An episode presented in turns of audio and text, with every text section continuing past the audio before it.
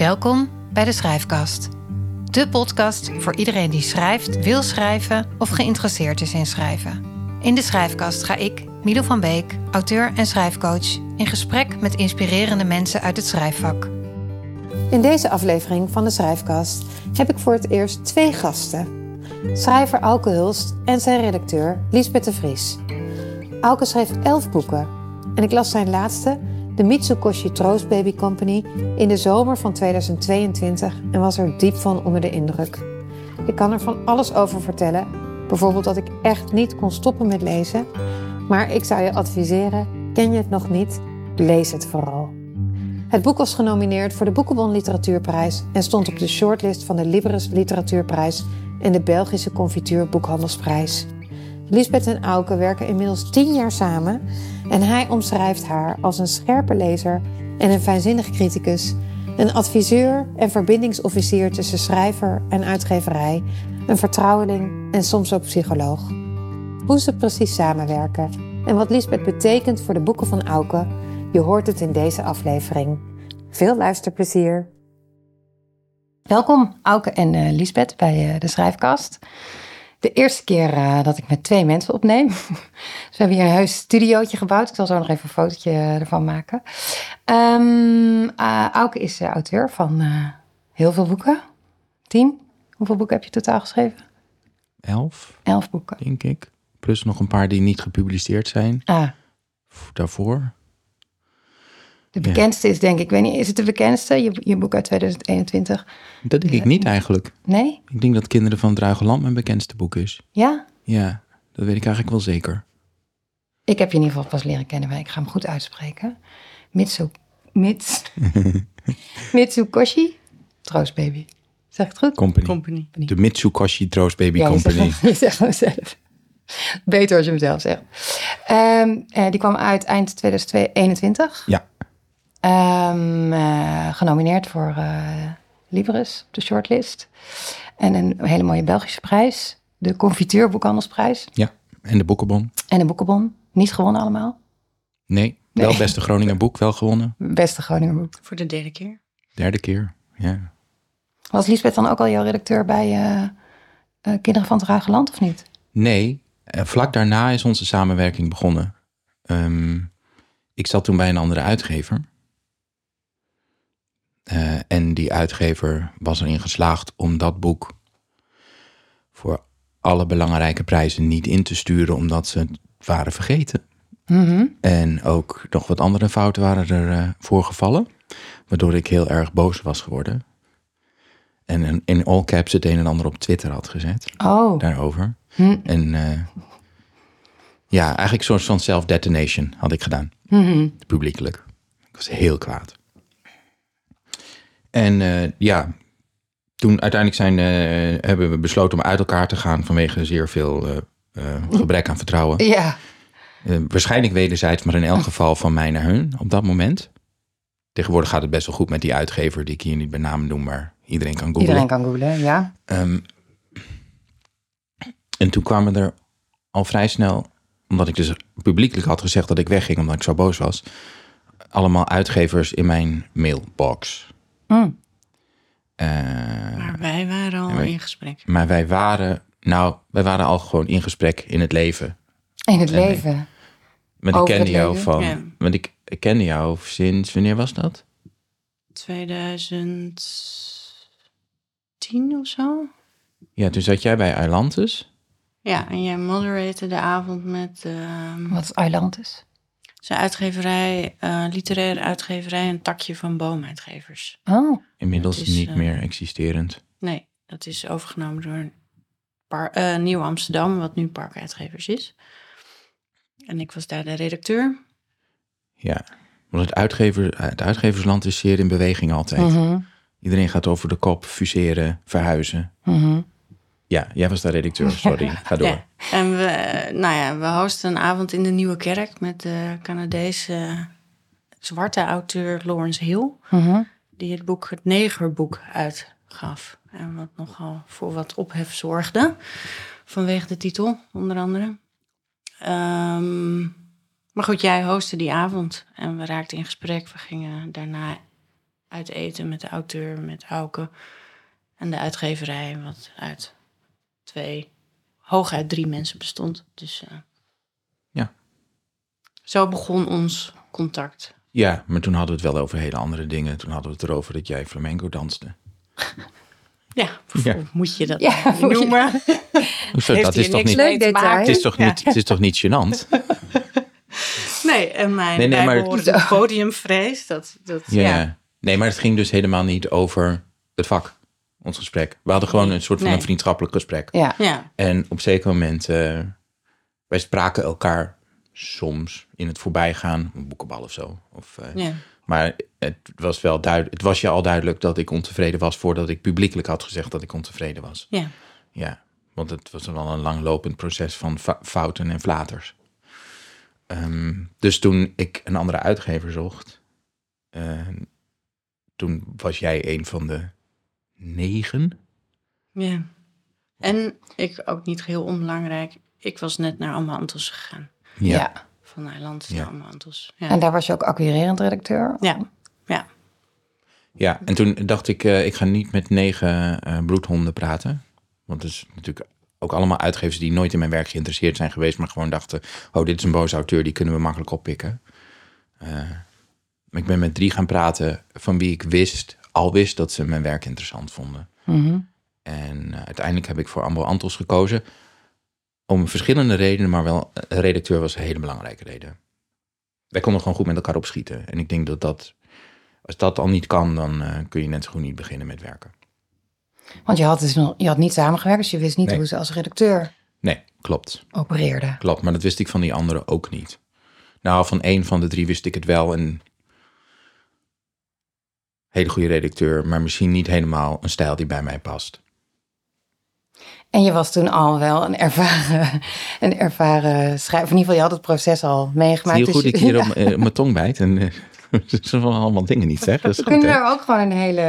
nou, Nee, maar Ja. je, je wist al hoe het werkte, dus je wist ook hoe belangrijk een redacteur eh, was.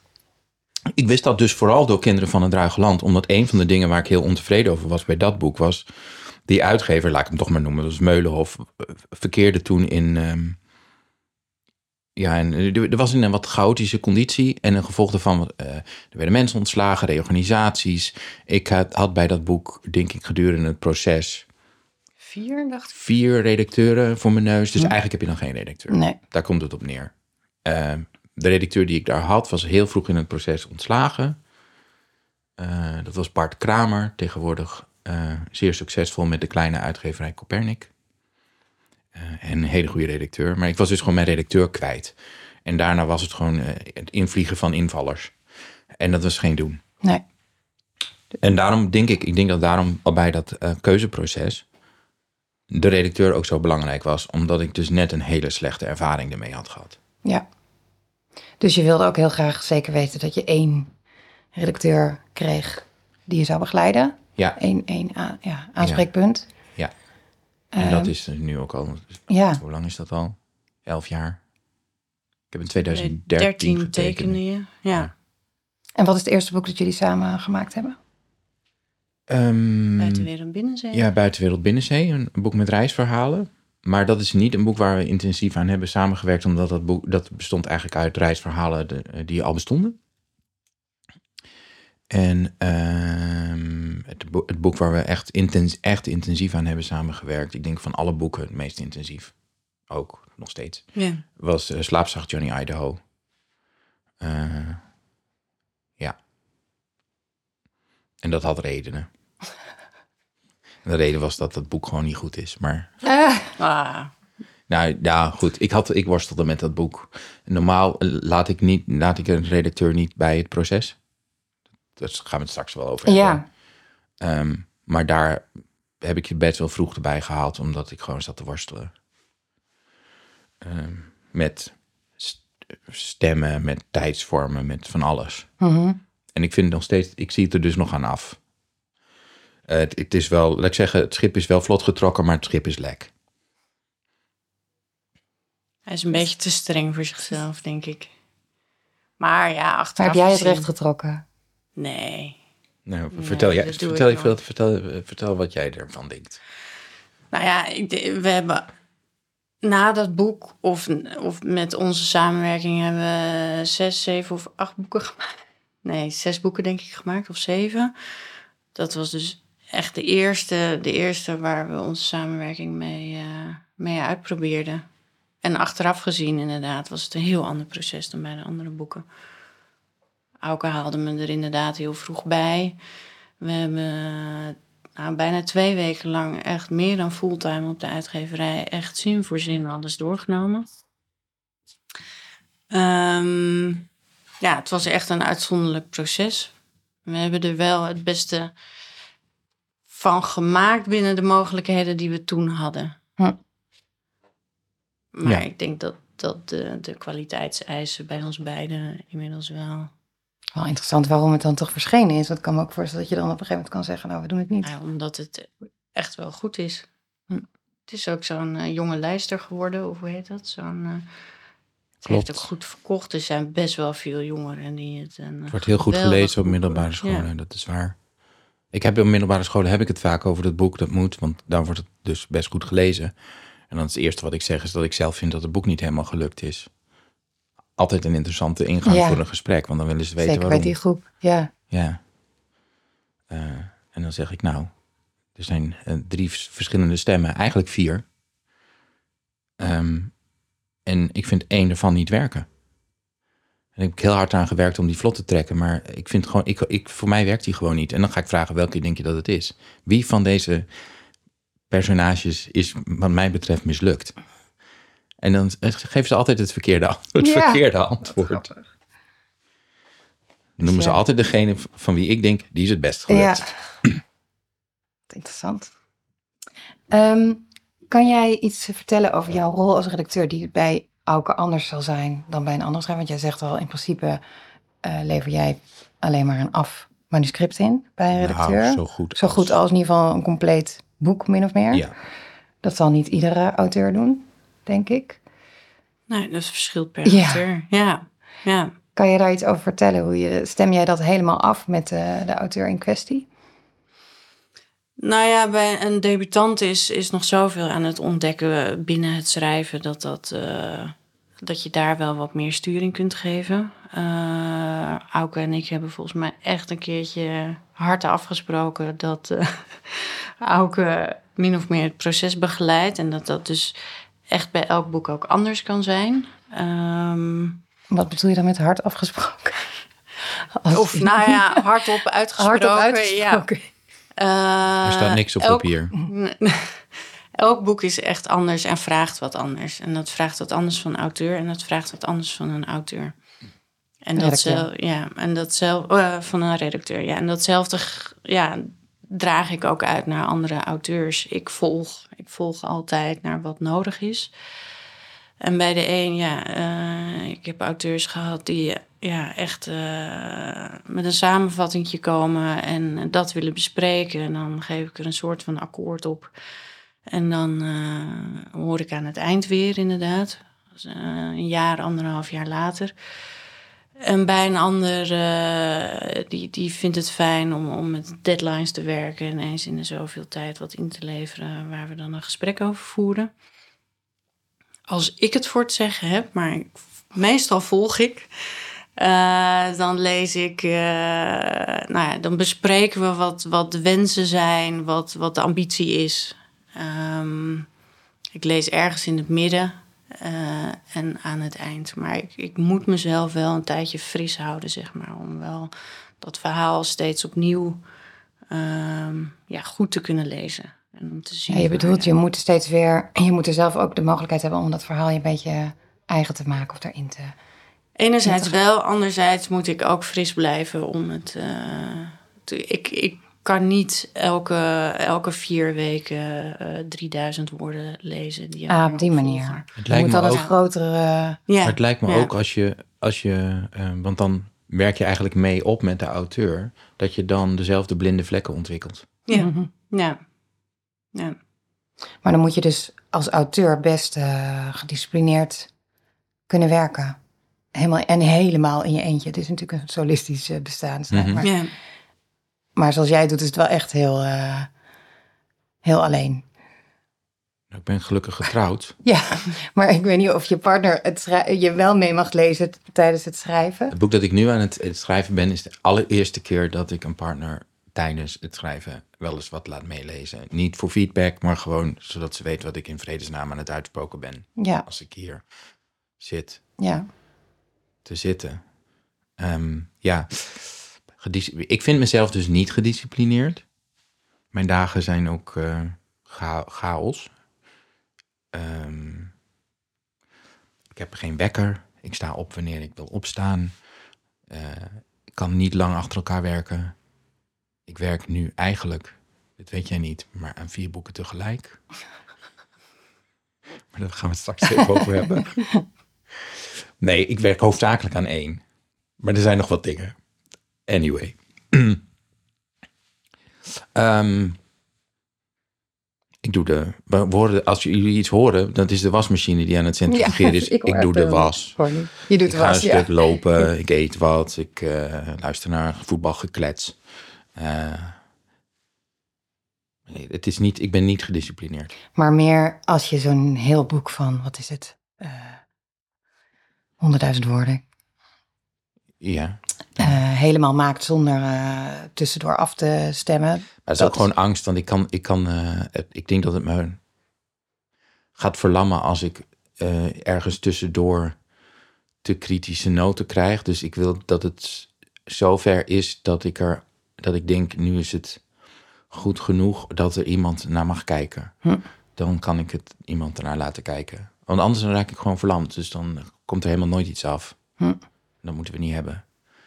Ehm, Zelfs als, want je zou er ook positieve feedback kunnen krijgen tussendoor. Zou kunnen. Nou, ik heb jou dus nu van dit boek wel een stukje, wat ik nu aan het schrijven ben, wel een stuk laten lezen. Maar met wel met de mededeling dat je er niks over mocht zeggen. Ja. Ja, je hebt er wel iets over gezegd. Maar wel echt alleen maar, nou, twee zinnen positief en eh, door maar weer. Niks, Ja. verder niks. Dat, was, dat, dat zijn dus de regels die wij hebben. Auke bepaalt. Ja, Wat, zelfs wat ik mag zeggen. Nee, dat is niet helemaal waar. Maar Auke heeft natuurlijk wel al aardig wat boeken geschreven. Een oeuvre. Ehm, ik weet en de uitgeverij weet ook wat ze van hem kunnen verwachten. Eh, literaire stijl, ehm, mix in genres. Elke keer een ander boek.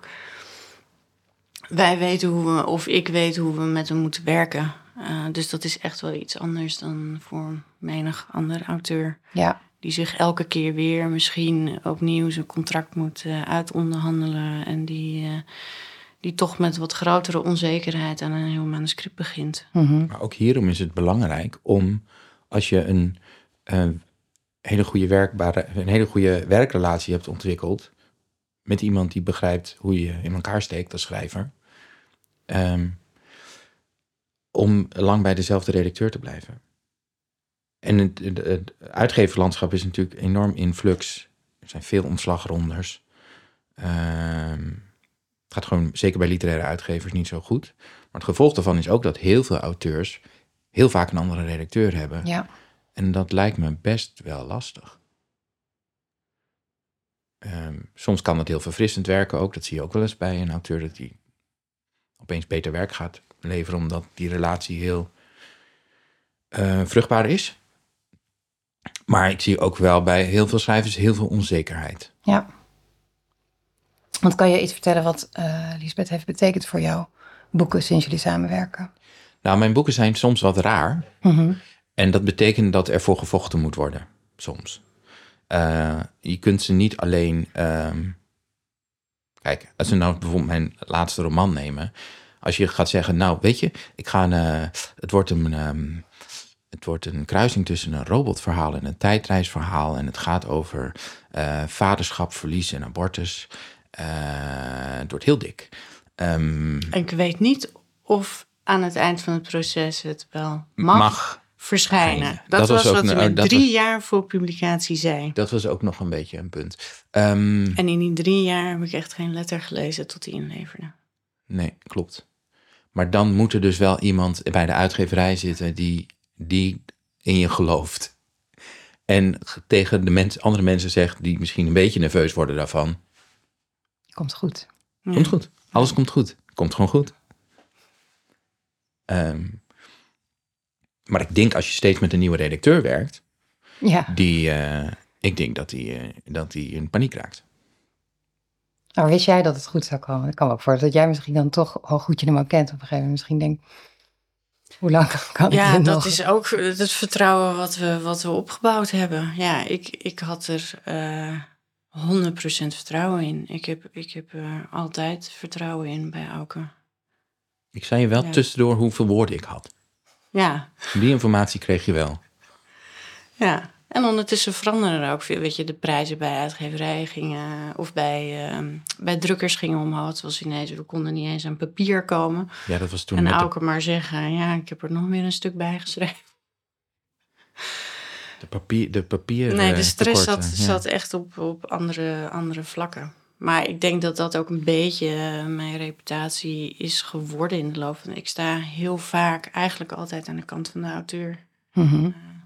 Daar gebeurt het. Zonder, zonder de auteur eh, hebben we gewoon geen, eh, geen boeken. Heeft een uitgeverij niks om uit te geven. Dus ik heb altijd zoveel mogelijk eh, ja, eh, de kant van de auteur gekozen. En, en gemiddeld of bemiddeld of nou ja, in die, in die rol. Wat ik ook echt als mijn rol eh, zie. Mhm. En toch zo, want uiteindelijk heb jij, eh, als ik het goed heb gelezen, ook bepleit dat er wel wat uit moest. Oh, in maar ik, die heb. Ja, maar ik, heb, ik, heb, eh, ik heb het zo geschreven. Ik wist zelf dat er wat uit moest. Ik heb het gemak, ma- maximaal opgeschreven. oké. Het is 100 pagina's uitgegaan, maar dat Ja. was ook gewoon de bedoeling. Oké, en want is dat Het dan was ook... niet dat ik, daarvoor, dat ik daarvoor ben gaan liggen of dacht, nee, dat mag niet. Helemaal niet. Oh, dus daar hebben jullie niet over hoeven... Helemaal niet. Nee, we zijn gewoon gaan zitten en zijn gaan poetsen. Nou, stel je het wel weer wat makkelijker voor. Nee. nee, bij elke moet je wel altijd alles heel goed uitleggen. Maar dat vind ik ook, of uitleggen. ehm, hij gooit er niet zomaar wat uit. Het is er ook niet zomaar, het is ook niet zomaar op papier gekomen. Maar ja, dat maakt, het, dat maakt mijn werk dan weer heel interessant. En dat scherpt ook net zo goed mijn pen. Ehm, ja, dus dat, dat vind ik altijd heel erg leuk in, dat, in, in ja, de laatste fase vaak. Eh, afhankelijk van het manuscript, maar wel echt die, eh, ja, die laatste ronde. Van eh, waarom, nou, het gaat eigenlijk bijna niet om scènes. Alle scènes hebben een functie, maar bij Nee, het jou... gaat bijna altijd om, om zinnen. Hier staan twee beelden, kies de beste. Ja, Ehm, dat soort dingen. ja, Dit kan compacter. ja, Het is heel veel kaasschaven. ja. Bij het laatste boek, ja. Ja, bij, ehm bij Slaapzacht Johnny Ido ook. Daar Ja. denk ik 20.000 Dat is uit. wel- Dus de je, je, bent met, ook niet per se bij je personage, hadden we net over, maar niet met de structuur of de, de, de lijn of de, inderdaad het personage. Eigenlijk Het is eigenlijk- Tiets Broederland nog eh, een beetje. Er zat er een beetje verdikking in het midden. Hebben we twee hoofdstukken samengevoegd. Ja, En eh, dat was wel de grootste ingreep. Ja. Maar er is ook niet heel wezenlijk iets veranderd bij, bij. Ik denk bij het boek over Nixon is het minst veranderd. ja, Dat was ook het kortste proces. Dat was ook. Maar- ehm, het proces is ook dus inderdaad, zoals Lies net zei, elke keer anders. Bij ehm Slaapzacht Johnny Ido hebben we eh, tien dagen in de kelder van waar het Amberantos toen nog zat, aan de Herengracht gezeten. Ik denk tien, elf dagen. zoiets. Ja, En eh, allebei met het hele manuscript voor onze neus. En zin voor zin erdoor ge, ge, ge, Geakkerd. geakkerd, ja, geakkerd, ja. Maar bij Nixon heb ik het je in twee dagen voorgelezen en is duizend woorden uitgegaan. ja, Dat was het makkelijkst. ja. En eh, denk dat bij Mitukoshi hebben we ook niet tien dagen gezeten, maar wel een tijdje. Ook erdoor Twee geakkerd. weken. Ja. Twee weken nog. Oh ja, dat was natuurlijk ook nog dat we even wat herstelwerk in mijn Ja. hoofd. Ja. Dat, eh, dat ik eerst eh, moest herstellen. Oké, dus dat is een, daar, daar stip je meteen zelf een ander punt aan. Dat het niet alleen gaat over redactietekst, maar dat er ook nog andere dingen in zo'n proces spelen. Eh, schrijven is, alle, alles schrijven is durven en vertrouwen. En als het vertrouwen even weg is, dan eh, eh, kun je net zo goed niks doen. Mhm. Vertrouwen in. In het universum. In eh, jezelf. In, in, gewoon in alles. Mhm. En dan. En En dan, eh, dan, zit je, dan zit je te praten met, dan zit je gewoon een paar dagen te praten met iemand die, eh who's talking you off the ledge. Ehm, nee, dan moet je gewoon even weer, iemand, dan moet er gewoon iemand zijn die zegt, ga gewoon door, het komt goed, er is niks aan de hand. Komt goed. Maar dan moet je dus ook een halve psycholoog zijn. Als. Of een hele. Een hele. Ja. Maar het liefst ben ik een halve. Nee, het, het is natuurlijk mijn vak niet, psycholoog zijn. Dat realiseer ik me heel goed, maar het komt er altijd bij. Want er is een reden waarom iemand stopt of even niet verder kan. En, en daar moet je het dan over hebben. Wil je dat manuscript op een bepaald niveau eh, af kunnen krijgen of überhaupt eh, de laatste punt kunnen zetten? eh, en dat lukt niet, dan moet je het daarover hebben. Nou, bij dat laatste boek speelde ook nog mee dat ik erover twijfelde of ik het überhaupt uitgegeven wilde hebben. En als er dan.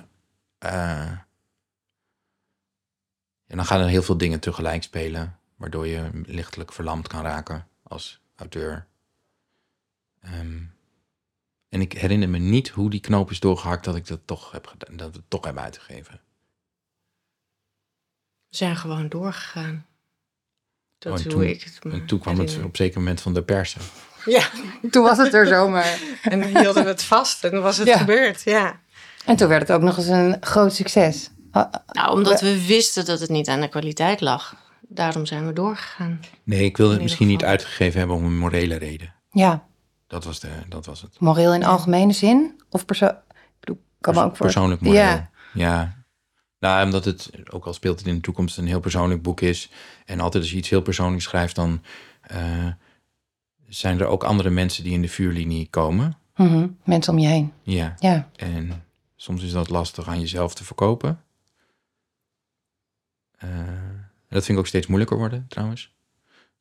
Maar dat heb ik ook onderdeel van dat boek gemaakt. Dit, dit hele Ja. vraagstuk. Ja. Ehm, nou, dat is, dat, ja, dat komt gewoon bij, dat is, dat komt er bij schrijven eigenlijk altijd bij. Want ook als je, nou ja, altijd, meestal, bijna alle literaire schrijvers gebruiken in min of mindere mate dingen die heel duidelijk of heel verkapt uit hun leven komen en die mensen kunnen kwetsen. Of, Mhm. eh, ja, het is gewoon ingewikkeld. Dus dan moet je, En daar als denk je, niet, als je niet een hele harde hond bent, want ik niet ben, denk ik, dan denk je soms, ik kan dit niet publiceren.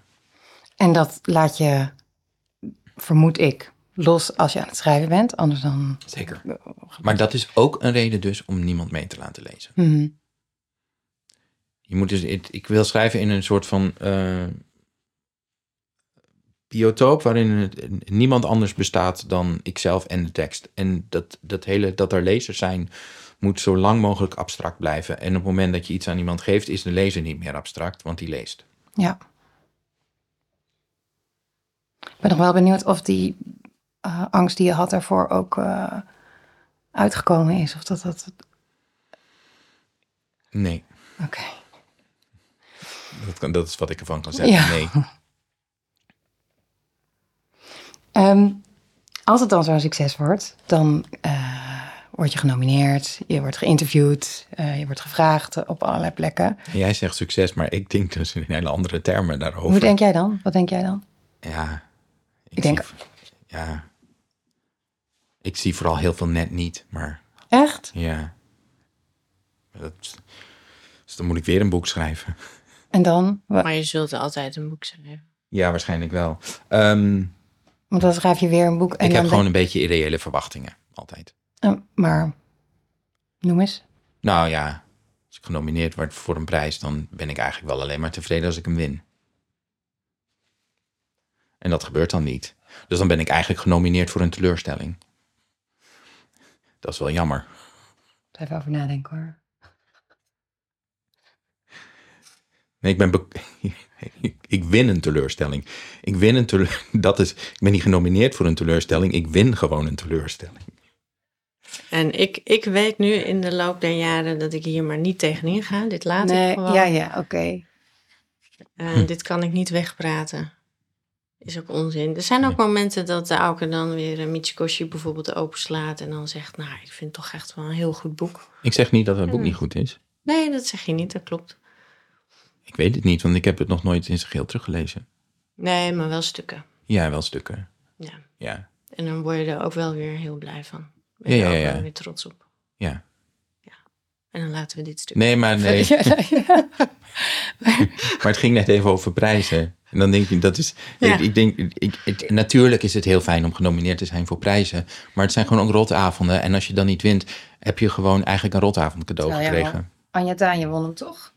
De boekenbon, de Libris eh, was Marika Heidman. Oh ja. Oh ja, voor de boekenbon, want dan weet ik nog dat we het daar toen over hadden. Dat je, voor de, dat je eigenlijk al wist dat Anja Tanje zou wi- winnen. Die, Ja, niet eh, dat iemand mij dat verteld had, maar Nee, soms, soms dan, dan kun je zo- dingen, dat- soms dan eh, kun je het aan de lucht ruiken. ja. Dus, eh, En daar wel heel duidelijk. En Daar, dat, daar was ik ook niet zo teleurgesteld over, want daar was ik gewoon op ingesteld. Ja. Maar het is inderdaad, dan laten we dit onderwerp, maar het is natuurlijk interessant. Ik kan me voorstellen, als je al zo lang schrijver bent en je hebt zoveel gepubliceerd en al die boeken hebben een bepaald verkoopsucces, dat je daar ook weer een soort van aan went. Maar er zijn natuurlijk, als je breder kijkt naar hoeveel schrijvers er zijn, Nee, dan is het natuurlijk, dan, dan ben je Nee, een van de... Weet je wat het is met die prijzen? Het gaat natuurlijk helemaal niet om dat je andere mensen hun prijzen misgunt. Het gaat, waar het om gaat, en dat is de teleurstelling, is dat zo'n prijs, en dat gaat eigenlijk alleen maar voor de Libris, dat moet ik er dan wel meteen bij zeggen. Boekenbon doet eigenlijk geen fluit. Als je, als, als je schrijft, dat is een ingewikkeld bestaan, ook financieel een ingewikkeld bestaan. En als je een levensvatbare eh, carrière wilt, dan is het heel erg fijn als je op een zeker moment een extra stap kan maken. En een prijs is daar vaak heel belangrijk in. Mhm. Dus dan sta je eigenlijk aan de, aan de deur. Je staat voor de deur van een nieuwe, van een nieuw huis. Van een nieuw huis dat open gaat, maar de deur gaat niet open. Mhm. En dan is het op zich wel makkelijker om achter de horizon te staan en het huis niet te zien. Oké. Ja. Ik probeer dit nu ook al wat te visualiseren. ja, precies. Ja, mooi beeld. Maar dan ga je dus eigenlijk in een andere divisie. Dan zie, de, de- Nou ja, je, ho- je, dit is, je, hoopt dat, je hoopt natuurlijk als schrijver dat je lekker kan blijven schrijven je hele leven met ja, zo min maar mogelijk ik zou denken dat dat nu ook al kan. stress. Hm. Eh, nee, kijk, ik mag niet klagen. Doe ik wel, maar het ja, mag niet. maar ja, voor mij mag het wel. Maar waar ik dus Nee, eigenlijk... maar dat is, maar dat is, dat, dat wil ik even voor die prijs zeggen. Soms is zo'n prijs gewoon heel belangrijk voor, het, voor eh, de levensvatbaarheid van een lange carrière. Ja. En dan is het heel fijn om hem te winnen. En daar hoop je dan op. En dat is dan niet zo. En dat is dan en jammer. Het is ook veel geld trouwens. Maar het is gewoon en jammer. Maar het is vooral daarom jammer. Mhm. En, eh, en daarom is het des te fijner voor degene die hem wel wint. En dan is het ook fijn als iemand hem wint. Bijvoorbeeld de Libris. Marika Heidman had gewonnen. Dat is een heel leuk iemand. Dat is dan wel fijner dan. Ja, wanneer, wanneer een van de rotzak ermee gaat lopen. ik zou bijna namen willen. Maar waar ik dus eigenlijk... dan Nee, dit zijn gewoon een generieke, een of andere rotzak. Ja, generieke rotzak. Maar waar ik, wat ik eigenlijk wilde weten is... eh, wat, is het dan nooit gek dat zo'n boek waar jij dan ook toch zo intensief bij betrokken bent geweest... en waarbij je ook een psychologisch proces zo hebt meegemaakt... dat je dan, als het de wereld in is, eigenlijk niet meer daarbij bent? Ja dat, ja, dat is wel gek, maar dat, die rol past mij ook wel heel goed. Ik vind dat fijn. Ik, eh, nou ja, onze samenwerking begon ooit met een gesprek over mijn podiumvrees bijvoorbeeld, of in de spotlight staan. Ehm, ja, ik vind het heel fijn. Ik, ik, je bent zo lang en zo intens bij zo'n schrijfproces betrokken geweest, dat je, dat je het de ander gewoon oprecht gunt. En je weet het, je weet, ja, ik doe dit nu eh, al bijna twintig jaar.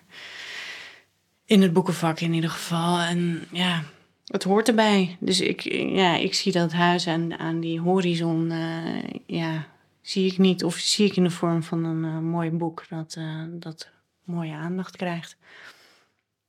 En dan houdt het, ja, het gaat ook heel vaak over verwachtingsmanagement natuurlijk. Ja, ander verwachtingsmanagement. Ja. ja. En ik, ik krijg, eh, of ik heb ook altijd genoeg waardering van de auteurs gekregen. En eh, daar, daar, ja, dat is, dat is mijn spotlight. En dat, eh, dat is goed voor mij. Ja. Ja. Want ik kan, ja, dat kan ik me voorstellen dat dat als, als iemand er helemaal geen aandacht aan zou besteden, wat jouw rol was in het proces. Ja, ik vind die rol wel groot. Ja, Eh, ik kan geen ander eh, vergelijkbaar beroep bedenken in de kunsten of in, in de cultuur die, die is zoals het redacteurschap. Mhm. Ehm, dus je, je bent deel van het maakproces. ja, En dat, dat, dat ken ik, eh, ja, dat is onvergelijkbaar volgens mij. Mhm. En dan heb jij ook nog, want ik, je werkt nu niet meer bij uh, Allemaal Antos, je bent nu voor jezelf eh, eh, begonnen. Ja? Ik kan me voorstellen dat binnen die uitgeverij die, die waardering misschien niet altijd zo eh, aanwezig is, omdat er andere belangen ook. Jij, jij bent zo gericht op de auteur en de uitgever, is misschien meer gericht op het commerciële deel. Of op het... Nou ja, op het gehele proces natuurlijk. En eh, op, al, op alle medewerkers, op iedereen, eh, ja, op, op de complete organisatie. En wat daar dan nog eventueel boven hangt. Ja, en dat was ook een reden van, van mijn eh, vertrek bij Alma Antos. Ik wilde, ik wilde nog weer dichter bij die auteur komen te staan. Omdat ik dat zo ontzettend ja, mooi en waardevol vind. Ik heb het eigenlijk het mooiste vak van de wereld. Ehm, dus ik wilde minder ruis in dat opzicht. Minder die, die dagelijkse, ja, bijna baan van de dag. Of minder, eh, minder organisatie en meer, eh, meer auteur, meer lezen, meer manuscripten, meer tekst. Ja, en heb je dan nu, want jullie blijven samenwerken? Dat, Ja? dat kan natuurlijk in een andere constructie eventueel. Dat- Heb je dat ook nog eventueel duidelijk gemaakt? Dat, Dat is harde ijs. ja, Ja. dat je, ja. Ja, en aan de andere kant, het is, het is ook, eh, of meteen geaccepteerd, het is meteen ook wel gezien dat wij een, een, een band hebben die, eh, die je maar beter kunt laten in ieders belang. Maar er de veranderen, wel, er veranderen wel dingen. En dat is soms, vind ik wel ingewikkeld. En dat is, je staat gewoon op grotere afstand van de uitgeverij. Dus dat betekent ook dat, kijk, jij zat daar altijd op kantoor. Dus dan zit je overal dicht op. Eh, en ik ben een beetje control freakish en ik wil altijd alles weten. Eh, en eh, dat moet nu opnieuw bevochten worden met iemand anders die moet leren, leren hoe dat ik alles moet weten. ja. Omdat ik anders. eh, Is dat wel mijn overdracht trouwens? ja, Elke moet altijd alles weten. ja. maar de omvang van alles is altijd wel een beetje ingewikkeld. Ja, nou, dat kan je eh, verschillend interpreteren. Ja. Ja. Maar ik heb dat ook zelf meegemaakt hè, met een eh, redacteur die niet bij de uitgever zat. En het is inderdaad dat je dan als, eh, zeker als je ook bijvoorbeeld als jij ergens voor zou moeten strijden, of, dan is het misschien anders of je er dagelijks daar rondloopt en dat tussendoor kan doen. Of dat, dat je nu in, op afstand van die uitgeverij zit en eh, dat van, nou ja, niet meer daar dagelijks rondloopt. Ja, voor mezelf, eh, ik vind het eigenlijk, ik vind het dus heerlijk die ruis niet te hebben, niet of dat te moeten bevechten. Eh, maar ik ben ook weggegaan in het vertrouwen dat Auke's positie ook gewoon goed is Blijft daar. en goed blijft. Ja, Ja. En nu werk je natuurlijk met allerlei soorten auteurs, niet alleen maar Ja. met auteurs die gepubliceerd. ja. Ook weer heel erg leuk. Ja. ja, ja, ja. ja. Heel anders lijkt me. ja. Ik werk type mensen ook. Ja. Ehm, ja, ik werk voor een aantal eh, uitgeverijen, eh, maar vooral ook gewoon met particuliere, of ik noem ze particuliere auteurs die eh, de, de wens hebben een boek uit te geven. Soms nog niet weten of ze het naar een uitgeverij willen insturen of zelf willen uitgeven. Maar in ieder geval wel zien dat, dat een redacteur eh, een noodzakelijke schakel is in het proces. Ja. En dat probeer ik ook, eh, als het nog niet helemaal duidelijk is, probeer ik dat wel uit te leggen. ja. Ehm, wat vertel je dan? Wat, wat? eh, dat het, dat het, het is niet goed als kijk, iemand kan wel verschillende opleidingen, cursussen gevolgd hebben of, of al jarenlang met iets bezig zijn. Dat is bijna altijd het geval. Mhm. Eh, maar ja, dat, er moet een heldere blik op komen. Mhm. Een onafhankelijke blik. Iemand die eh, alleen maar die tekst beter wil krijgen. Dat verhaal, dat complete manuscript beter wil krijgen. En dat zie je gewoon uh, niet, Niet zelf als meer. ja. ja. En het is natuurlijk wel een groot verschil met iemand zoals Auke, die dat, ja, hoe zou ik het noemen, het ambacht of het, die dat gewoon in zich heeft. Of iemand Ja. die voor het, e- ja, voor het eerst of, of überhaupt misschien niet. Ja, klopt. Dat is een enorm verschil. Ja. ja. Maar ook, ja, eh Auke en ik hebben onze relatie ook jarenlang wel opgebouwd. En ook met vallen en opstaan, of ook wel met botsingen. En Ik herinner nu- me geen botsingen. Oh. nou, prima, hou eens op. Oké. Eh, terwijl ja, nu moet je gewoon wel eh, gedurende eh, de opdracht, zeg maar, eigenlijk in heel korte tijd diezelfde relatie zien op te bouwen. Dat Ja. vertrouwen. Het Ja. gaat eigenlijk altijd Wat om al vertrouwen. zei. Ja, dat- ja. ja. Ik ben best wel ingrijpend bezig in een manuscript nu. En ja, dat, dat vertrouwen heb ik eh, gelukkig nu bereikt bij die auteur. Die staat al toe. ja. Als ik soms zie hoe ik eh tekeer ga, spreken, dan denk ik, nou, dat moet ook maar. ja, ja. ja. Maar dat vind, dat vind ik dan ja, heel tof, dat een auteur dat, eh, dat ook zo snel heeft gezien. ja. Dat het iets oplevert. En dat, dat leg ik ook altijd uit. Ik leg altijd uit wat ik doe ja. en wat het oplevert. En dat de beslissing altijd bij de auteur ligt. Ehm, Dat vind ik ook iets heel ingewikkeld van de redacteur, dat, het zo vaak is teruggelegd wordt bij je. Wat dat natuurlijk alleen maar goed is, maar ik weet niet of Ja. jij ook zo werkt, maar dat je uiteindelijk als auteur altijd zelf de beslissing moet nemen over alles. Omdat, Ja. omdat het zo erg van jou is. Maar dat is natuurlijk het allermoeilijkste proces wat er is. ja. Om te weten, om te voelen wat. ja, maar je moet wel dat gevoel behouden, vooral. Anders is het, is het het jou. Ja, anders is het jouw boek niet meer voor Ja. 100%. En dat moet. Ja. Je bent zelf de beste verkoper, je moet erachter staan. Mhm. Ik kan je wel wijzen op een aantal dingen ehm, om het beter te maken. Maar ja, dat moet je zelf zien. Ja. En zo. ja. Heb jij wel eens contact met andere schrijvers die vastlopen met een reda- redacteur? Of wat hoor jij een beetje in de... En verwijs je ze dan wel eens door naar Lies? Of hou je er... Zeg, ik kan me ook dat je niet wil dat ze al te druk eh, praktijk krijgt. Eh, nee, nou ik, ik, ken, ik ken wel wat schrijvers die worstelen met hun, überhaupt met hun werk en, hun en met hun redacteur. En dat heeft dan vaak te maken met waar ik het eerder over had. Ehm, te, te veel veranderingen binnen een organisatie, een nieuw, nieuw figuur voor je neus. Eh,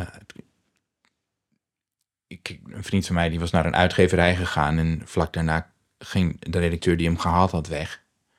En toen was er een andere redacteur. En het is, het is een beetje als bij een voetbalclub dat er een, train- een trainer komt die jou als speler niet gehaald heeft. En dat je dan het gevoel hebt dat je, nou, eh, dat je, dat je op de reservebank belandt. Dat je niet meer prioriteit bent. Eh, en dat is heel ingewikkeld. Ehm, Maar het is ook een verschil in wat je echt heel erg belangrijk vindt. Jij vindt de inhoud, tekst, samenwerking. Jij, vindt, jij bent ook heel zelfkritisch naar je eigen tekst. Dat is ook niet elke auteur. nee, dat weet ik. Ah, of of eh, vergelijk het met eh eh, Prometheus, die elk jaar een andere redactie heeft of andere redacteuren heeft. Eh, en er zitten daar gewoon auteurs die, die natuurlijk al een boek na boek eh, publiceren en dat gewoon oké vinden. En daar hoewel hun ik eigen denk wel dat, de, dat bij Prometheus de auteurs die een langere relatie met die uitgeverij hebben, wel vaak dezelfde redacteur hebben. Houden. Ja, en wat je steeds meer ziet is een, is een zelfstandige redacteur eh, die wordt ingeschakeld. Maar je vraag was, stuur ik Ja, ze wel eens door? Ja, wat adviseer jij ze om te doen als ze... Ehm, ik adviseer schrijvers altijd als ze ontevreden zijn om met meerdere uitgevers te gaan praten. Dat is eigenlijk mijn advies. Omdat die relatie zo van belang is en niet, iedereen, niet elke redacteur is voor elke schrijver de juiste redacteur. Dat moet qua persoonlijkheden echt goed passen. En daar kom je alleen maar achter door uitvoerig te praten. Ehm, Over van alles. over van alles. Ja. Maar dus ik kan wel, ik kan wel zeggen, eh, ga allemaal naar Lies, want dat is zo'n goede redacteur. Dat is een goede redacteur, maar voor mij. Ja. En dat is helemaal niet gezegd dat dat dan voor anderen ook per se de beste redacteur is. Daar moeten ze zelf achter komen. Ehm, dus dat is eigenlijk altijd mijn advies. Sorry als je daardoor minder werk hebt. Nee, ik ben het gewend. Ja. Nee, dat je niet- nee, maar ik ben het daar echt helemaal mee eens. En dat, dat is wat ik ook dan zoek in nieuwe samenwerkingen. Ik vind het zo te interessant, omdat Ja. het nog, je kan qua persoonlijkheid denk ik heel erg klikken, maar dan hoeft het inhoudelijk nog geen match te zijn. Nee, maar daar moet je het dan ook over hebben. Ja. Ehm, daar hebben wij, denk ik, in- in beginsel niet zo heel erg over gehad. Maar dat is, ik denk dat het bij mij ook een beetje anders is, omdat ik, bij de, omdat ik een redacteur pas zo laat bij de inhoud laat. ja. Ehm, ik, weet, ik weet het niet. Je vertelde net ook dat je wat chaotisch bent, dat je geen wekker zet, Mhm. geen vaste schrijfroutines hebt. Ehm, maar kan jij iets vertellen over hoe jij dan, of eigenlijk, je zei eigenlijk dat je niet zo gedisciplineerd was, maar toch, eh, weet je, een behoorlijk oeuvre te produceren. Nou ja, ik, ik werk niet. eh, misschien. Ik werk wel veel, denk ik. Wat is veel? Dat is heel moeilijk vast te, le- eh, vast te leggen, maar ik werk dus niet. ehm, ik werk niet gestructureerd, maar ik werk wel de hele dag door, denk ik. Ik, ik ben een soort van luie workaholic. Mhm. Misschien dat dat het is. Want ik zit s'avonds ook wel eens te werken. Of ik zit, als, als ik de geest krijg, dan gebeurt er iets. En dat kan alle momenten zijn. Ehm, wat ik wel soms doe is. Nou ja, wat ook zo is, is dat als je- heel veel momenten dat je niet aan het werk bent, als ik, weet ik veel, naar de supermarkt ben of zo, Mhm. en je krijgt een idee. Ik ben de hele dag mezelf aan het mailen Mhm. met mijn telefoon. Doe je daar echt mailen? Of, eh, Mailen, want ik heb geen, ik heb geen, ehm, ik kan geen mail binnen, ik kan geen mail ontvangen in mijn telefoon, wat ik heel fijn vind. Dus dan zie ik die mail pas als ik thuis kom en dan heb ik allemaal mailtjes van mezelf waar zinnen in staan of gedachten of eh, suggesties of whatever. En dan zit ik op de juiste plek om daar wat mee te doen, namelijk achter mijn computer. En dat doe je waarschijnlijk dan ook bewust. Ik- Sorry, ik ga even op detail, maar dat je het niet in je notities zet of niet inspreekt. Want dan, blijft, dan staat het ook op je telefoon. Eh, ja. Ja. Het gaat er vooral om dat het binnen moet komen op het moment dat ik achter mijn computer Ja, precies. Oké. Ja. Eh, en dan gaat dan. eh, en heel veel, ik doe heel veel research. En dat gebeurt tussendoor. En soms voelt dat niet als werk, maar het is natuurlijk wel werk. Mhm. Misschien werk ik eigenlijk best wel veel. Volgens mij werk je altijd in je hoofd, waar je ook bent. Je bent gewoon zo'n... eh, Ja, als ik aan het voetballen ben, niet. Dan werk ik niet. Het enige moment Nou, wie weet wat er van het voetballen toch weer ergens. Soms komt er wel iets van in een boek, ja. Ja. dat is waar. Van een teamgenoot Ja. of zo. Ehm, Maar dus dat is niet het schrijven eh, op zich, op zichzelf. Maar de, het schrijven op zich is ook volkomen ongestructureerd. Ehm, ik dacht bij het boek dat ik nu aan het schrijven ben, ik ga het eens proberen één keer een boek te schrijven, lineair. mhm, Ja, is van mislukt. voor naar achter. is gewoon bedoel mis- je? Ja, het is mislukt, Oh. want ik ben nu de epiloog aan het schrijven, terwijl het hele tussenstuk er eigenlijk nog niet is. Ehm, Kan jij vooral, ik, ik help mensen bij schrijven en die willen altijd als eerste de structuur van het boek. Dan kunnen ze pas verder, als de hoofdstukindeling, kun je voor deze mensen even zeggen waarom dat niet per se hoeft. Nou, Nou, er is wel als- een verschil tussen de- fictie en non-fictie. Ja, het is non-fictie, Ja. over het algemeen, maar wel. maar sowieso, ook dit verschilt gewoon weer per schrijver. En bij, eh, als ik een boek ga, ga schrijven, dan, is, dan ligt dat boek meestal al jaren in mijn hoofd. De gisteren, dus die structuur staat niet op papier, maar die is er wel. Want die is namelijk in mijn hoofd. Dus Ja. ik, weet, ik weet al gewoon hoe het in elkaar zit, ongeveer. Eh, qua structuur. Er kan natuurlijk van alles gebeuren wa- waardoor je zelf als schrijver verrast wordt. Wat iets verandert. Maar ik heb die houvast in principe niet nodig. Want daar heb ik al jaren aan gewerkt. In, in, eh, in de background. ja, Ehm, maar als je op een andere manier werkt, dan is het misschien juist weer heel fijn om dat te hebben. Dus je, eh, je kunt op geen. Er zijn geen schrijfregels. nee. Dus ik kan je alleen vertellen hoe ik het doe. En eh, ik kan ook niet tegen auteurs met wie jij te maken hebt zeggen eh, dat ze het ook zo moeten doen. Want ze zijn mij niet. Mhm. En eh, zij zijn, eh, het, zoals Charlie Kaufman eh, ooit zei, do you. Mhm. Ja. Dus ja. Als redacteuren onderling, eh Milou. Mhm. Ik haal heel vaak de structuur weg, helemaal aan het eind. Want als het helpt om te starten, om te schrijven, om het in te vullen. Als het helpt in het schrijven, dan eh, doe die structuur. Want dan kan je dat uit je hoofd zetten, kan je concentreren op iets anders.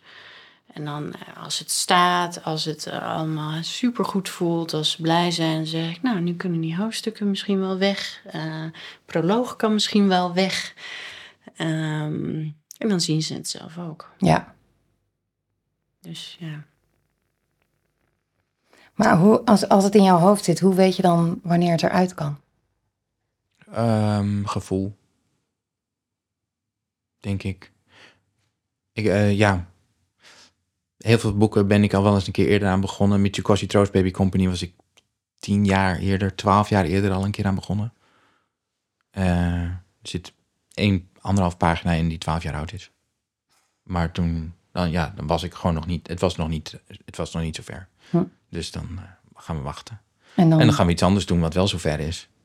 Ehm, ja.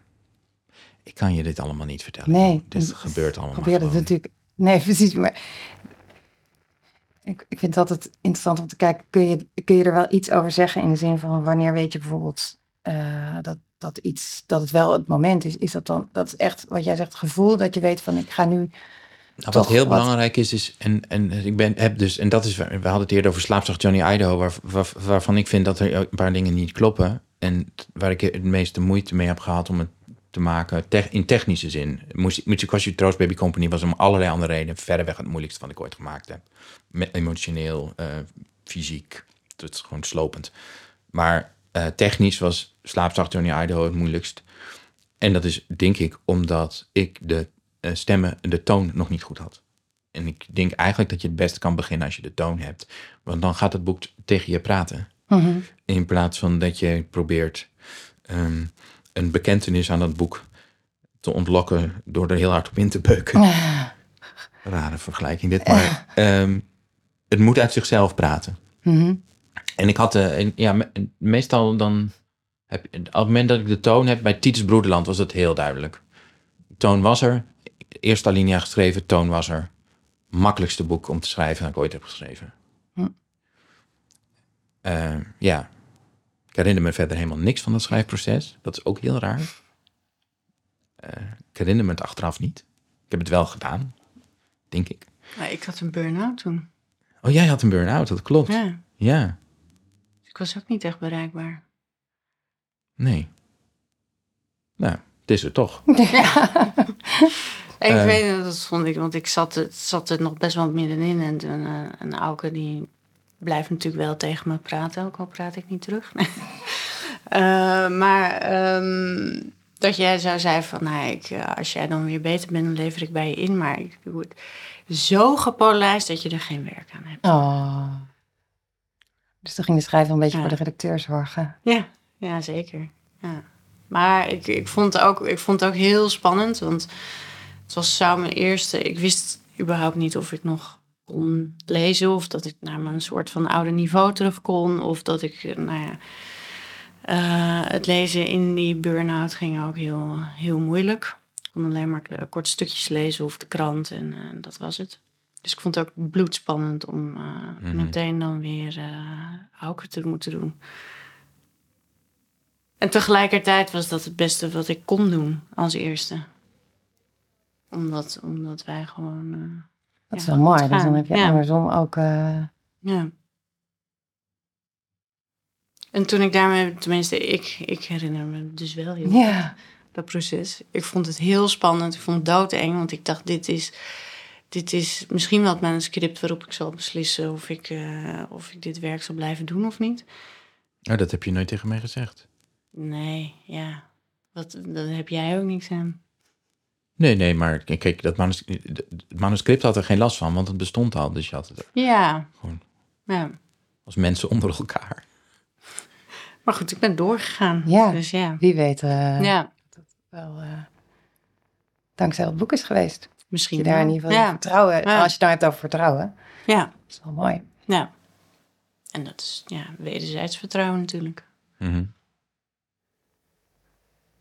Maar je had het over stijl. Eh, dat dat het makkelijkste boek was. Of het makkelijkste boek wat je had geschreven. Omdat er na één alinea had je, zat je goed, zeg maar. En kon je door. Ja, ja.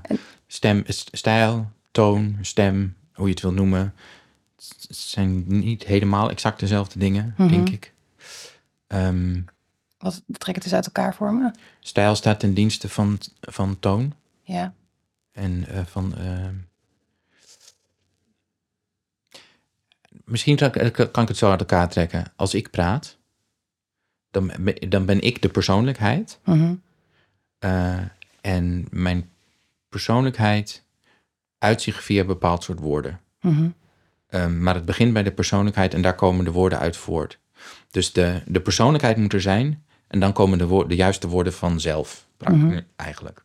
Dus de stijl vloeit voort uit de persoonlijkheid van de schrijver, maar ook van het boek. Want elk boek heeft ook een andere persoonlijkheid als het goed is. En dus een iets andere toon en een iets andere taal. En bij dat boek, wat een, een, heel specifiek boek is, omdat het in een wereld buiten onze wereld, in een tijd buiten onze tijd speelt, eh, had een eigen, ook een hele eigen taal nodig. En die is heel natuurlijk geboren. Er is wel over nagedacht, op zich. En daar heb ik ook wel wat research voor gedaan, maar het is niet dat het. ehm, toen ik begon met schrijven, voelde het helemaal niet gemaakt. Mhm. En dat was omdat het heel natuurlijk voortvloeide uit de persoonlijkheid van die wereld. En dan klopt het. Dat boek klopt gewoon. En het is niet vaak dat een boek klopt. Ehm, maar ik, dat boek klopt.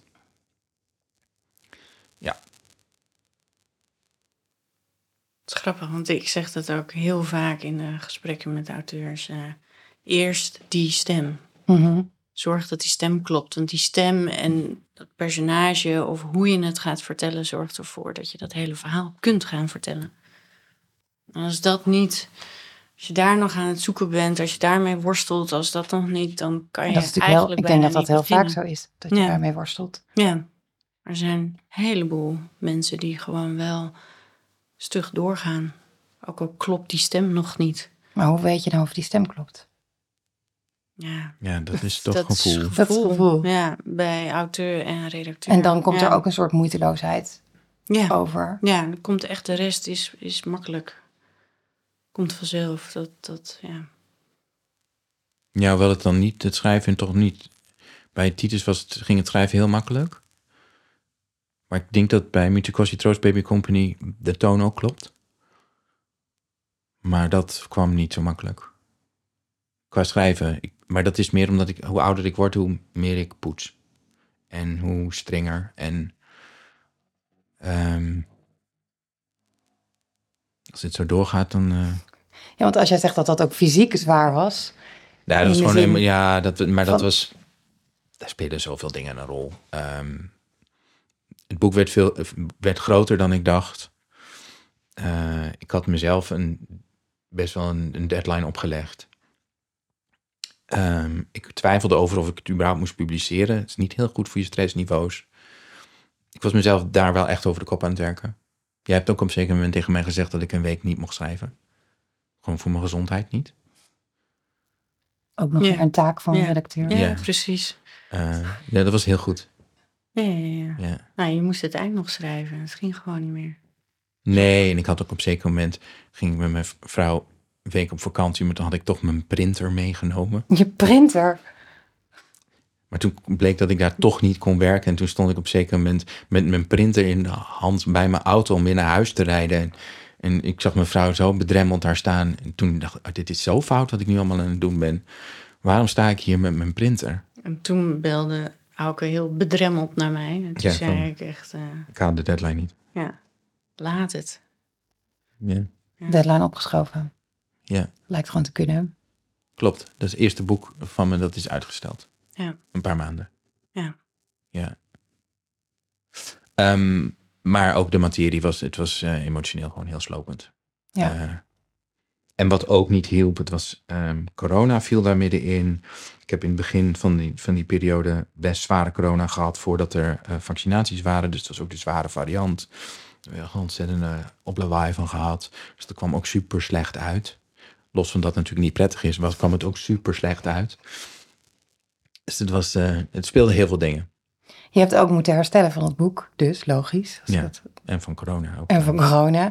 Maar eh, er, kwam, er komt wel weer een nieuw boek. Tenminste, dat is wel de bedoeling. Ja, kijk, eigenlijk, want het is dus niet mijn laatste boek. Want er is in de tussentijd al een boek verschenen, alleen onder een andere naam. Ah, Dus, eh, maar dat is niet de facto een roman. Eh, het is een heel raar boek. Maar wel heel, ja, het is wel het is een soort van totaal kunstwerk onder een pseudoniem. Maar waarom heb je daarvoor gekozen? Omdat het een, eh, een boek is uit een alternatief universum geschreven door een reis, schrijfster die geboren is in 19, eh, eh, wat was het, 59. Eh, en ja, dat kan ik dus niet zijn. Aha. Dus dan moet er een andere naam op. Ah, Want anders klopt het niet. Ik laat het je Wat? straks wel even zien. Het is een boek met, met, met, met uitvouwkaarten en... En, En hoeveel en- mensen weten dat jij dat hebt geschreven? Oh, best wel veel. Oh, oké. Dat, daar is geen geheim over. Oké. Eh, Het is geen geheim. Het is geen geheim. Oké, dus dat Eh, heb maar, je ik alweer... ben, maar ik ben wel... een- Ik ben nu een roman aan het schrijven. Dus... eh, Ah, vier, zei je. Vier. Eerder. Nou, daar hebben we het zo wel even over. Maar ehm, dat is niet voor de podcast. Nee, ja. Nou, van één weet je. Nee, Ja. twee, weet ik. Oh, van twee weet je. Oh, dan Ja. hebben we helemaal niet zoveel bij te praten. Valt wel Oh, mee. oké. Oké. Ehm, is er iets, heb jij, ja, ik bedoel al, behalve het winnen van zo'n prijs, is er nog iets anders waarvan je zegt van in, ik weet niet hoe lang, hoe lang je nog van plan bent om te blijven schrijven, waarschijnlijk schrijvers kennende gaan die niet echt met pensioen, maar is er nog iets wat jij behalve het winnen van een grote literaire prijs? Maar het gaat me Of dus je- niet om het winnen van de prijs. Nee, maar dat is, wel, dat is wel van belang. Ja, Je kunt natuurlijk ook zo'n prijs willen winnen, gewoon omdat je die prijs wil winnen. Omdat je dan eh, een hotshot bent of zo, weet ik Mhm. veel. het is geen ego-ding bedoel je. Het is, het, Ja, het is natuurlijk ook het- wel een beetje een ego-ding, maar het gaat me voornamelijk om dat. eh, Om je toekomst. ja, ik wil. Ik, ik, ik mag, zoals ik al zei, ik mag dus niet klagen. Ik kan best wel redelijk, stre- redelijk stressvrij werken, financieel. Alleen ik kan niet helemaal stressvrij werken financieel. En dat wil ik wel graag. Eh, en daarvoor heb je een, een, net een ander soort carrière nodig dan de carrière die ik heb. En daarvoor heb je dus wat dingen nodig. Eén daarvan is een literaire prijs. Wat bijvoorbeeld ook fantastisch zou helpen is om heel veel vertaald te worden. Ah, ja. Dus Maar maar je bent toch wel vertaald? Helemaal niet? dit is altijd de reactie. Oh, Oh, ja. zelfs in Japan. Het is net voor het Oh. eerst zijn mijn vertaalrechten verkocht. Aan Turkije. Maar dit is zo'n lang... Kinderen van. Dit is zo'n langjarig... eh, En een verfilming ook, zit ik nu te denken. Waarom ben je niet verfilmd? hey, ik ga er niet over, hè. Maar ik vraag me wel eens af. Oké. Eh, Dus dat is, eh, als je vraagt... eh, nou, ik wil dus dingen die ervoor zorgen dat ik een, eh, een, bestendige, een, bestendige carrière heb. En dat, dat zijn dat soort dingen. Interessant. Waar dat dan met, wat, hoe dat dan... Waar, dat, waar hem dat dan in zit. Dat is heel erg lastig de vinger Ja. achter te krijgen. Oké. Nou, dus eh, daar, eh, als je, daar hebben we een aantal wensen. Als je praat over de toekomst. Zijn wensen. Dat zijn wensen. En eh, heb jij... eh, ja. Mensen over de toekomst. Ja, nee, nee, nee, ja. heb je ooit wel eens zelf eh, stiekem gedacht, misschien Oh ja. ook wel eens een boek schrijven? Eh, ja, nee, ik krijg ook heel vaak die vraag inderdaad, maar nee, nooit. Echt niks. Ik hou niet eens een dagboek bij. Eh, ik heb wel recent mijn vader gevraagd en die heeft eh, ja, eh, wat dingen op te schrijven. Ehm, ja, nee, ik heb leuke. Auke heeft wel eens tegen me gezegd. ehm, van goh, eh, jou, eh, je hebt echt wel heel veel materiaal. Daar zou ik geweldige boeken op kunnen schrijven. Ah, Dat heb ik niet gezegd. Nou ja, zoiets. Of Maar dat ging Daar- volgens mij ging dat niet ook over wat je allemaal hebt meegemaakt toen je als, als, als eh, hele, nou ja, als tiener in het, tanksta- benieuwd. in het tankstation van Hendrik Ido Ambacht werkte. bijvoorbeeld. Ja, nou ja. Kijk, dit is ehm, voor mensen die in een tankstation van Hendrik Ido Ja, Ambacht die weet- werken. die- En alles kan nog. Ja. Nee, ik, eh, ik heb wel eh, best wel leuk materiaal. Ik, wat ik heel- Familiemateriaal dan. Familiemateriaal, ja. Ja. Wat mensen niet aan me zien of van me af kunnen lezen, is eh, dat ik half Colombiaans ben, bijvoorbeeld. Ehm, Ik ben op de Antillen geboren. Nou ja, het doet er allemaal niet zo heel veel toe. Maar ik, er is wel materiaal, maar ik denk niet dat ik er ooit iets mee ga doen. Ehm, en ik denk ook, ik zeg dan ook altijd wel, eh, dat maakt me ook de betere redacteur. Ik, eh, omdat ik niet de ambitie heb om aan de andere kant van de tafel te zitten. Ja. Ja, want die redacteur heb je ook. Nou, Ja. het, het, het schoolvoorbeeld is Gordon Lish. Gordon Lish, de redacteur van, eh, of althans een tijd de redacteur van Raymond Carver. Die ehm, vanuit zijn eigen poëtica met zo'n enorme heggenschaar door het werk van Carver is gegaan. Carver stond altijd bekend als eh, de, de auteur van, hele, van de uitgebeende minimale stijl en eh, korte verhalen die heel kort zijn. Ja, maar die verhalen zijn gewoon gehalveerd door Gordon Lish. Vanuit Gordon Lish zijn over, overtuigingen. Mhm. En later heeft Carver die verhalen opnieuw gepubliceerd in de oorspronkelijke vorm. En soms zijn die van Lish, de, de Lish-versies beter. En soms zijn de Carver-versies beter. Maar Lish is- was een hele dominante redacteur. Oké, interessant. Ja, Ik- ja. heb je er wel meer Ja. van, denk ik. Peter Bewalda is ook een Nederlands voorbeeldje.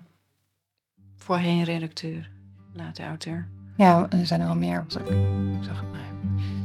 Maar jij, dus Ja. in ieder geval, jij gaat je vader opdracht geven. Ja, even wat dingen op te schrijven. Ja, en dan Ja, word je zijn redacteur. En ja. dan, eh, precies. Het zal heel feitelijk zijn, gok ik. Ja. dank jullie wel. Dankjewel voor het luisteren naar de Schrijfkast. In de show notes vind je de links naar de websites van Auke, Lisbeth en van mij. De afleveringen van de Schrijfkast komen wat onregelmatig online. Wil je op de hoogte gehouden worden? Abonneer je dan even via Apple of Spotify. Ik ben ook heel blij als je een review achter wil laten of wat over de Schrijfkast wil delen op social media. Om de Schrijfkast te kunnen blijven maken, kun je me steunen via Petje Af. Die link vind je ook in de show notes. Je kan me ook altijd een berichtje sturen via Insta of LinkedIn. Tot de volgende keer.